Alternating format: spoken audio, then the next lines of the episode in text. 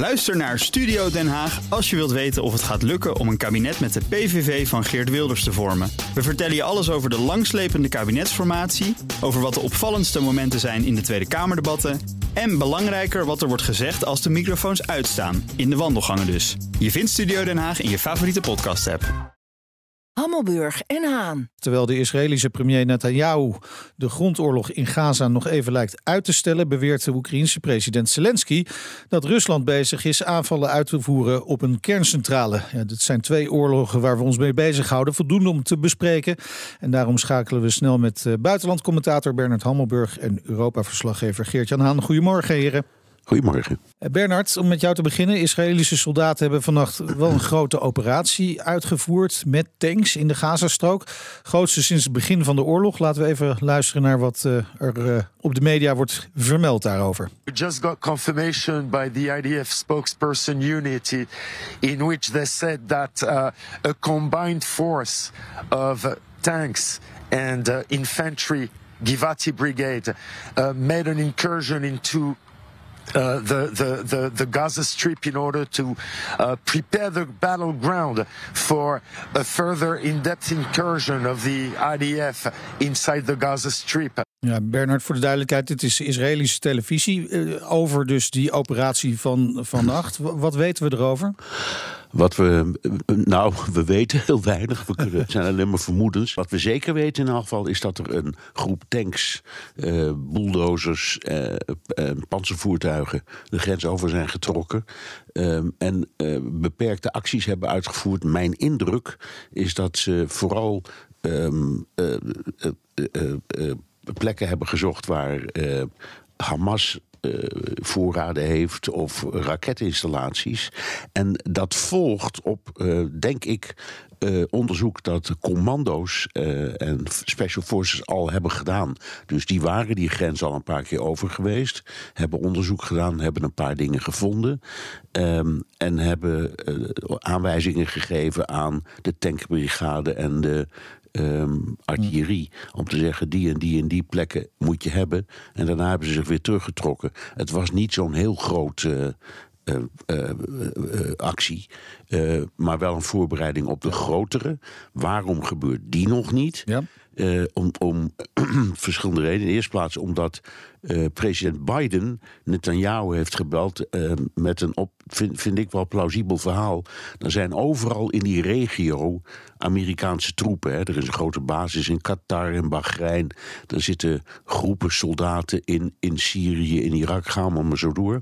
En Biden heeft tegen Netanyahu gezegd: Ik wil wat meer luchtverdediging uh, aanvoeren naar de plekken waar, waar Amerikaanse soldaten zitten.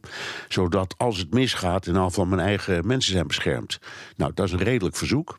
Dus daarvan heeft Netanyahu gezegd, dat doen we.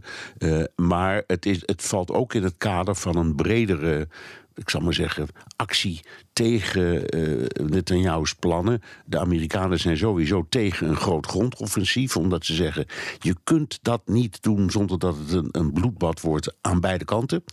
Uh, en en uh, ja, de Europese Unie vindt dat eigenlijk ook. Dus Netanyahu staat enorm onder druk. En heeft laten zien, denk ik, ook met deze ja, beperkte actie, dat het ook op een manier kan die niet helemaal het, het, het begrip invasie dekt. Ja, nou, je noemt de Europese Unie al. Uh, Geert-Jan, in hoeverre uh, speelt die oorlog in Israël en Gaza een rol op die eurotop van vandaag? Ongetwijfeld uh, speelt hij een grote rol daar. Ja, het is het thema, Meindert. Er was vorige week een extra top, een ingelaste top tussen regeringsleiders. er was afgelopen week ook een ontmoeting tussen de EU en de VS. En natuurlijk zijn er allerlei belangrijke thema's die momenteel spelen. Maar dit staat bovenaan elke agenda.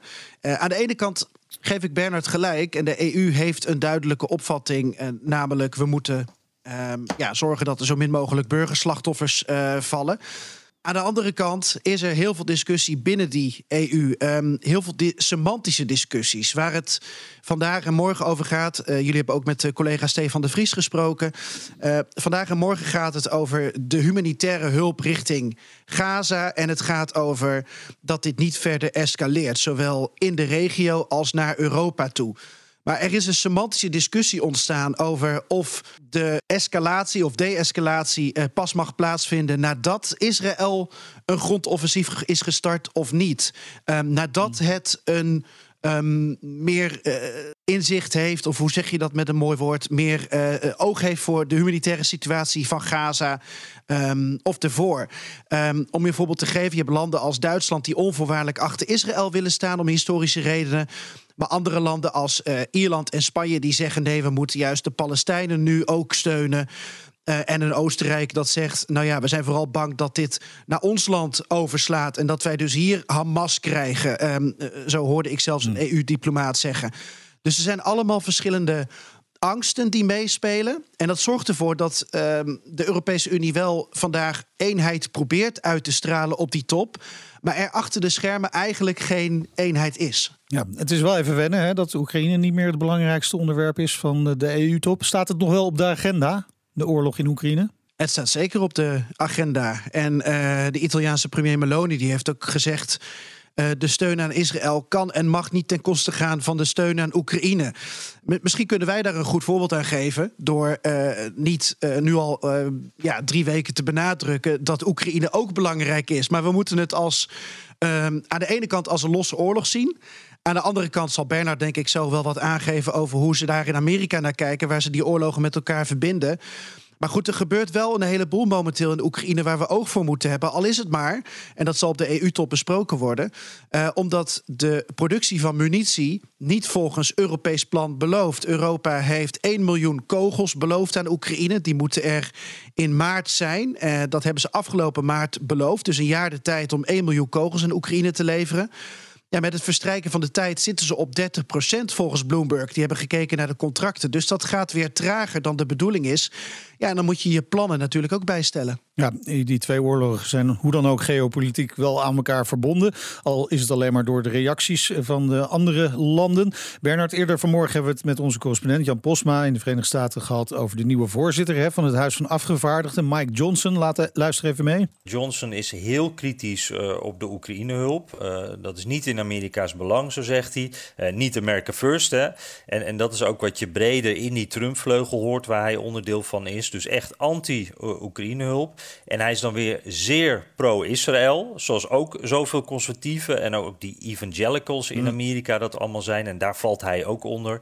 En uh, je zag dat meteen ook aan zijn eerste stemming. De eerste stemming die onder hem plaatsvond, die was symbolisch, maar toch, die ging over Israël. En daarin werd vastgelegd dat Amerika er alles aan zal doen om Israël te helpen om Hamas te stoppen. Dus dat is heel duidelijk.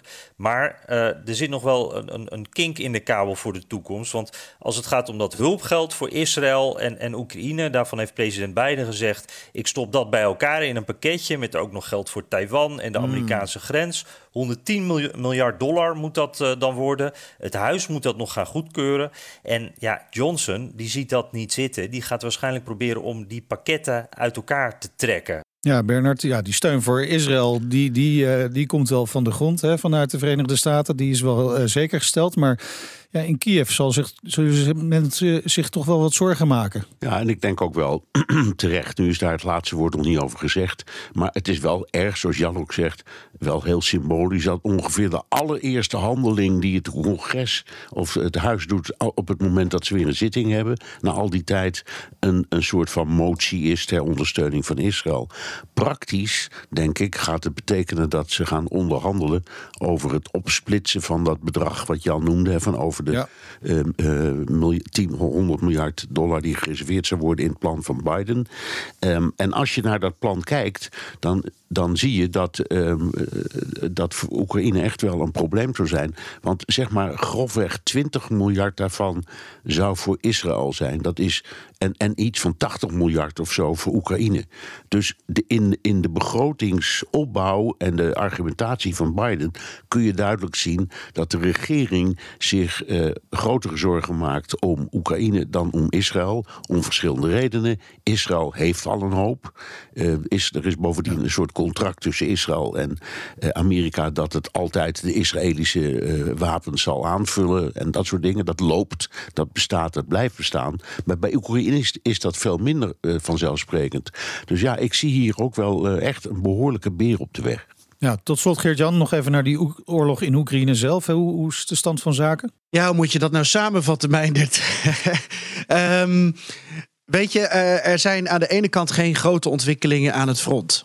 Uh, aan de andere kant wordt er wel ontzettend hard uh, gevochten. bijvoorbeeld bij Avdivka, bij Kupiansk, ik noem maar een paar dingen. Um, er zijn volgens Oekraïne inmiddels bijna 300.000 Russische doden. En daar zou je dan ook nog eens honderdduizenden gewonden bij kunnen optellen. Kunnen we niet verifiëren, maar zijn immense aantallen. En dan zien we verder berichten zoals dat Oekraïnse piloten inmiddels begonnen zijn aan hun F-16 vliegtraining in Amerika, in Arizona. Er is ook een opleidingscentrum in Roemenië, maar dat is nog niet helemaal van de grond uh, gekomen. Uh, maar in, in, in, Amerika vliegen ze al wel. Daar hebben ze dus ook Engelse taaltraining gehad in Texas. En nu beginnen ze aan die cursus in Arizona voor een periode van zes maanden.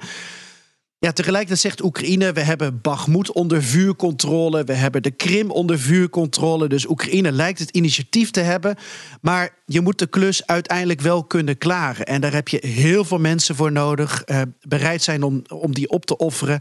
Maar ook munitie en uh, blijvende steun van uh, Amerika en Europa. En ja, deze update is wat dat betreft niet de vrolijkste update voor nee. Kiev om naar te luisteren. Nee, maar heel even dan toch nog over beschuldigingen vanuit uh, Zelensky dat Rusland de aanval zou hebben uh, gericht op een kerncentrale in het midden van het land. Wat weet je daarvan? Daar weet ik van dat er uh, sowieso uh, inderdaad in die buurt van die kerncentrale in Khmelnytsky uh, aanvallen zijn geweest. En dat er een, een drone is neergeschoten en dat er Um, ja, resten van die drone, uh, onder andere geloof ik op het administratieve gebouw van die kerncentrale zijn neergekomen. Uh, Zelensky beweert dit. Uh, ik wacht nog op verificatie van, van grotere bronnen. Het was wel een beetje een stressvol dagje gisteren, want er waren ook nog vanuit Rusland um, ja, simulatie van nucleaire aanvallen uh, in eigen land. Hebben ze die uitgevoerd? Dat doen ze natuurlijk dan niet met, zelf met kernkoppen. Maar ze proberen uh, ja, te laten zien, ook richting de rest van de wereld, wat ze in hun mars hebben. Maar tot nu toe zijn het vooral incidenten waarbij ik uh, ja, benieuwd ben hoe uh, onafhankelijke. bevestiging hiervan laat zien ja, hoe ernstig het daadwerkelijk is. Dus even een beetje, een beetje terughoudendheid erin. En dank bij de heren buitenlandcommentator Bernard Hammelburg en Europa-verslaggever Geert Jan Haan.